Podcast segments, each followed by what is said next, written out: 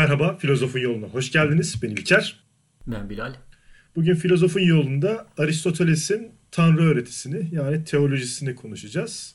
Ee, dinleyicilerimiz ilk yaptığımız Aristoteles kaydını hatırlarsa şöylece kısaca bir girizgah yapmıştık. Ne demiştik? Tanrı evrenin yapıcı nedeni değil, ereksel amaçsal amaçsal nedenidir demiştik e, Aristoteles'e göre. Tanrı mükemmel olduğu için de konusu da mükemmel olmalı. Yani kendisi olmalıdır demiştik. Evet yani çok kısaca özetlemiş oldum. Biraz açalım şimdi bu konuları. Aristoteles'in Tanrı öğretisini bilmemiz önemli. Niye bilmemiz önemli? Çünkü Ortaçağ Hristiyan ve İslam felsefesi boyunca Aristoteles'in ve Platon'un Tanrı öğretileri her zaman bizim karşımıza çıkacak. Platon yeni Platoncu hareketlerle beraber Agustinus'un Hristiyan felsefesini kurmasında ve bin yıla yakın bir şekilde Hristiyan felsefesini belirleme konusunda çok etkili olacak. Aristoteles'in Tanrı öğretisi de İslam felsefesinde Farabi ile beraber bizim karşımıza çıkacak. Hristiyan felsefesinde de Akinalı Thomas, Thomas Aquinas sayesinde Hristiyan felsefesine girecek ve daha sonra Platon'a göre devrimci ve aslında niye bu kadar geç e, göz önüne alınmış olduğuna şaşırdığım Tanrı öğretileriyle beraber de e, modern çağa bir adım olarak karşımıza çıkacak. Aristoteles Tanrı öğretileri konusunda herhangi bir özel eser yazmamıştır.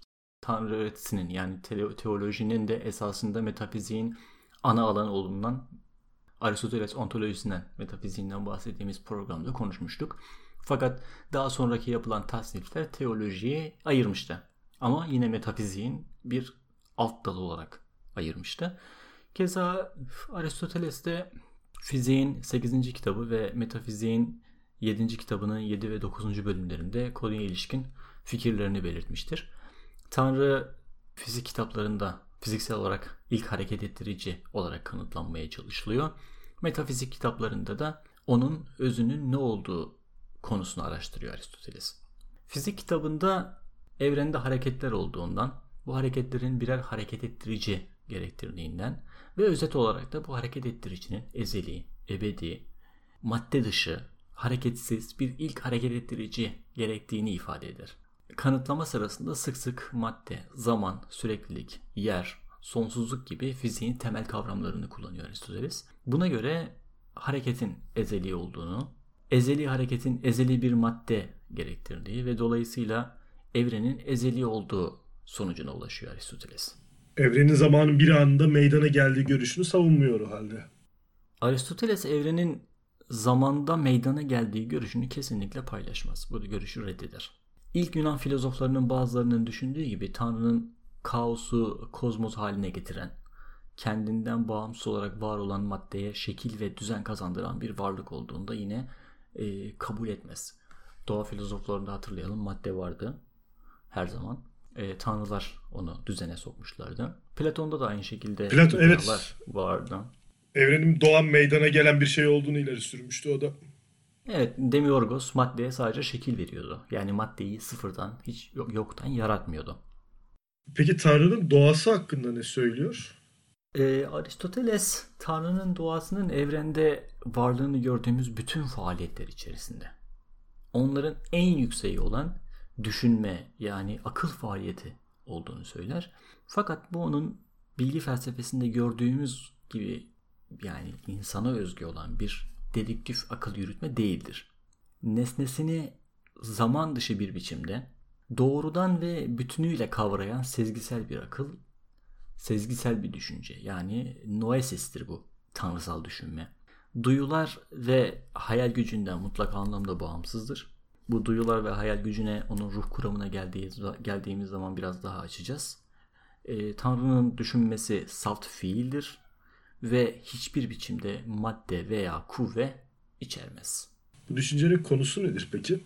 E, evrenin e, en yüce, en yüksek varlığı olan Tanrı'nın konusu da elbette en yüce ve en e, yüksek varlık olacak. Bu da Tanrı'nın kendisi olacaktır. Yani kendi kendini düşünür. Kendisinden dinleyelim Aristoteles bu konuda neler söylüyor. Özü gereği düşünce, özü gereği en iyi olanı, en yüksek düşünce de en yüksek iyiyi konu alır. Akıl, akılsalı kavrarken kendini düşünür. O halde tanrısal düşüncenin düşündüğü şeyin onun kendisi olması gerekir. Çünkü o var olan en mükemmel şeydir ve onun düşüncesi düşüncenin düşüncesidir. Yani kendini düşünür. Akıl akılsalı kavrarken kendini düşünür. Akılsal ne demek oluyor burada? Aklın konusu olan şeyler. Aklın konusu olan şeyler. Düşündüğümüz şey akılsaldır. Tanrı özü itibariyle hem düşünendir, hem düşünülendir, hem de düşünce, düşüncedir. Kendisini düşünüyor sadece. O hem akıllıdır, hem akılsaldır, hem de akıldır.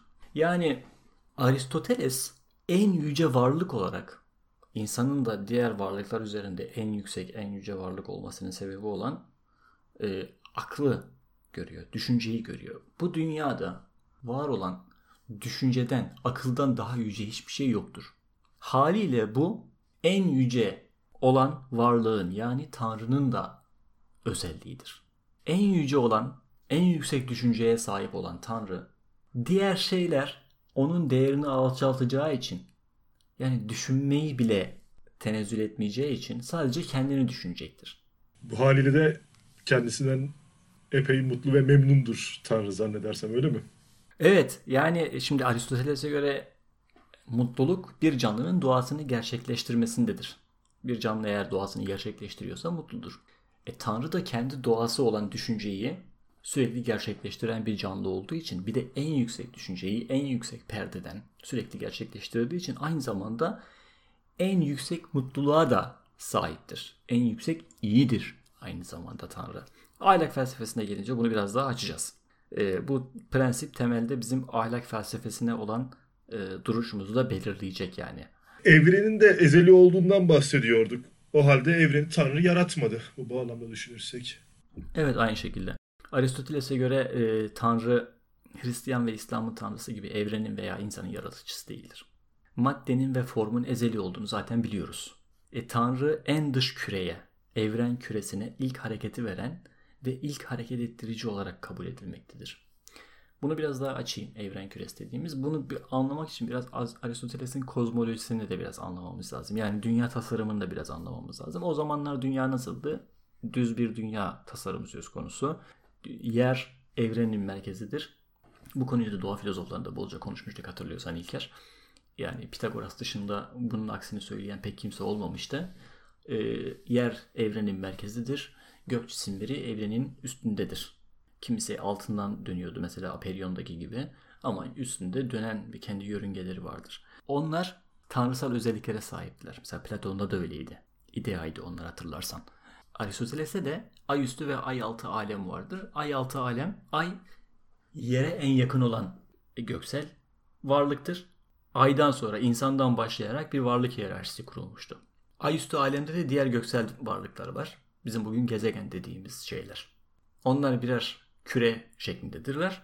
İççe geçmiş küreler şeklindedirler. O yörüngeleri itibariyle biraz düşünelim, gözümüzde canlandıralım. En dışında da Tanrı vardır. Tanrı'nın varlığı bu bütün kozmolojik hareketi ittirici demeyeyim de hareket ettirici. O, bu, bu konuya biraz daha biraz daha da şöyle e, Tanrı'nın kendisi herhangi bir doğrudan hareket yapmasa bile, dokunmasa bile yani herhangi, herhangi bir hareket ettirme eylemi gerçekleştirmese bile bu kozmolojik hareketin ana sebebidir. Bu hareketin de ezeli olduğunu söylemiştik. Evet, e, bu ilk hareketin zamanda ortaya çıktığı, yani dolayısıyla evrenin evrenin zamanda varlı, varlığa gelmiş olduğu sonucunu çıkarmamamız gerekiyor dolayısıyla. Bu hareket ezeliydi çünkü. Aristoteles de Tanrı'nın evrene önceliği zamansal bir öncelik değil, mantıksal veya mevki bakımından bir önceliktir. Genelde din ve Tanrı ile ilgili yapılan açıklamalarda hani bizim bugünkü anladığımız kafayla düşündüğümüz zaman bu zamansal sıralamayı dışta küreler var. En dışta tanrı küresi var. Bu tanrı küresi ilk hareketi veriyor. O zaman bir zamansal sıralama söz konusu olması gerekiyor diye düşünebiliriz. Ama Aristoteles böyle düşünmememiz gerektiğini söylüyor. Sadece bir mantıksal öncelik sıralaması söz konusu ama herhangi bir zaman söz konusu değildir. Bu kozmolojik hareket ezeli ve ebedidir. Tanrı ezeli ve ebedi evrenin, ezeli ve ebedi hareketinin ezeli ve ebedi kaynağı olan varlıktır ve bu anlamda evrenden önce gelir sadece. Yoksa evrenin temel unsurlar olan madde, form ve hareketin her üçü de Tanrı kadar ezeli ve ebedidir. O halde şöyle diyebiliriz. Tanrı'nın evreni yaratmasının söz konusu olmaması, ona herhangi bir anlamda varlık veren bir ilke olmaması anlamına gelir. Çünkü Tanrı evreni yaratmadı. Aristoteles de Tanrı ne deist anlamda bir evren yaratıcısıdır ne de panteist anlamda evren varlığının, evrenin varlığının kaynağıdır. Onun bir parçası gibi değildir yani. Tanrı'nın evrenle ya da insanla alakası olmadığına göre bunlarla ilgilenmiyordu diyebilir miyiz bu halde? Evet. Yani e, Tanrı evrenle, evrenle ilgilenmez. Hatta bilmez bile. Eğer Tanrı bu dünyaya aşkın yani bu dünyayı yaratmayan ve bilmeyen dolayısıyla onunla ilgilenmeyen bir varlıksa ona yapılan tapınmaların, yöneltilen duaların da bir anlamı olmayacağı görülüyor. Şimdi Aristoteles'in tanrısı ilgilenmiyor kendisinden başka hiçbir şeyle. Sadece kendisini düşünüyor. En yüce varlık. Diğer şeyler onun var yani onun evrenle ilgilenmesi onun varlığını alçaltan şeylerdir. Mesela kutsal kitapların dilleri vardır değil mi? Tanrı sözü olduğunu söyler. Aristoteles'in tanrısına göre tasarladığımız zaman ne yani Tanrı insan dili mi konuşuyor? Tanrı'ya yakışmaz böyle bir şey. Zaten bilmez bile de. Ya da mesela Tanrı'ya isim vermek. Ona dua etmek mesela. Hatta şeyde bile görüyoruz yani Gazali'nin e, şeyinde bile tevhidinde bile falan görüyoruz yani. Hani ne diyoruz işte e, mutlak olan Tanrı'dır diyor ilahi. Ondan başka ilah yoktur diyor ya. Mesela Gazali ondan başka o yoktur der. Yani şey bile isim ismini bile şey yapmaz. Telaffuz etmez. Çünkü onun senin Tanrı'nın adını ağzına alman onu aşağılar. Sen kimsin ki onun adını ağzına alıyorsun yani. Öyle bir yüce varlıktır Tanrı. Yani o Tanrı duaları görmeyecek, bilmeyecek. Yani o zaman şöyle bir Tanrı çıkıyor ortaya. İşte sadece kendisiyle ilgilenen, kendi mutluluğunu düşünen bir Tanrı görmüş oluyoruz Aristoteles'te. Hep bencil bir bencil Tanrı değil. olmuyor mu böyle? böyle düşününce tabii önce düşünmek öyle düşününce yani yine hani günümüz kavramlarıyla biraz düşününce elbette bu sonuca varmak doğru ama Aristoteles'in kurduğu kavramsal yani kurduğu felsefede öyle düşünmememiz gerekiyor. Niye? Hep doğasından bahsediyoruz ya bir şeylerin doğasından, formlarından falan bahsediyoruz yani. Ee, Tanrı da saf formda hatırlarsan. Yani mesela göz görmekten haz duyar. Onun doğası görmektir sadece değil mi? Göz görmekten başka bir şey yapabilir mi? Sadece görür, doğasını yerine getirir. Ve Aristoteles'in anlayışına göre göze burada kişilik vermiyoruz. Sadece bir analoji yapıyoruz kendi doğasını yerine getirdiği, eylemini gerçekleştirebildiği için de mutludur. İnsan da düşünen insan mutludur yani. Mesela yine illa analoji yapalım yine. Tanrı da kendi doğası gereği kendini düşünür. O başka bir şey yapmaz. Haliyle bunu yaparken de mutlu olur. Yani bunu diğerlerini kendi bencilce düşünceleri için değil, kendi doğasını gerçekleştiriyor o sadece. Peki bu tanımlar Tanrı'yı evrenden ve insani alandan kovmak anlamına gelmiyor mu? Evrenle veya bizimle ilgilenmeyen, hatta bilmeyen bir Tanrı ile bizim ne, iş, ne gibi bir işimiz olabilir? Evet yani mantıklı değil mi? Bana ne o Tanrı'dan yani. Zaten beni de o, yar o yaratmadı. Değil mi? Beni yaratmayan, bana karışmayan, beni bilmeyen, beni umursamayan, sadece kendini düşünen bir Tanrı ile benim ne alakam olabilir diye düşünebiliriz pekala. Aristoteles'in kendine böyle bir soru sormadığını biliyoruz. Yani böyle bir buna yönelik bir araştırma veya bir cevap vermiş herhangi bir çabası söz konusu değil eserlerinde. Ama biz yorumlayalım onun felsefesini yorumlayalım. Yani ne sonuç çıkarabiliriz? Onun başka başka söylediği şeylerden. Eğer biz Tanrı'yı bir mükemmellik örneği veya bir ideal olarak ele alırsak ve bu idealin yani bu tanrısal mükemmelliğin ve tanrısal mutluluğun insan tarafından taklit edilmesinin mümkün ve yararlı olduğunu söylersek bizim işimize yarayabilir bu düşünce. Nitekim Aristoteles'te böyle biraz e, yorum eğiliminde olduğunu görüyoruz eserlerinde. Mesela Aristoteles'in kozmolojisine baktığımız zaman ayüstü alemdeki göksel varlıkların Tanrı'ya mümkün olduğunca yaklaşmak ve tanrısal fiili tak, taklit etmek istediklerini görüyoruz. Zaten bu kozmolojik hareket, az önce bahsettiğim ya, kozmolojik hareketin ilk hareket ettiricisi. Ayüstü alemdeki Tanrı'ya en yakın olan kozmolojik varlıklar daha çok Tanrı'ya benzemek istiyor ve tanrısal eylemleri gerçekleştirerek Tanrı'ya daha çok yaklaşmak isteyerek bu kozmolojik hareketi başlatıyorlar. En yüce varlık o. O en yüce varlığa mümkün olduğunca yaklaşmak istiyorlar. Böylece kozmolojik hareket başlıyor. Yani tamam ayüstü alemdeki bazı kozmolojik varlıklarla ilgili söylenenler geçerli olabilir ama biz insanların Tanrı'yla nasıl bir ilgisi olabilir? Şöyle diyelim. İnsan kendisi için mümkün olan en yüksek fiil olan düşünme fiilini gerçekleştirmek konusunda Tanrı'yı pekala taklit edebilir. Etmelidir de. Aristoteles'e göre yani. Bu, bu taklit yani Tanrı'yı taklit etme, Tanrı'nın yeteneği, doğası olan o düşünmeyi bizim de diğer Aristoteles'in kurduğu sisteme göre diğer varlıklar arasında, ay altı alemdeki diğer varlıklar arasında en üstün olan varlık olmamızı sağlayan düşünmenin de bu tanrısal düşünceyi taklit ederek e, yetkinleştirmek konusunda taklidimiz bizim işimize yarayabilir.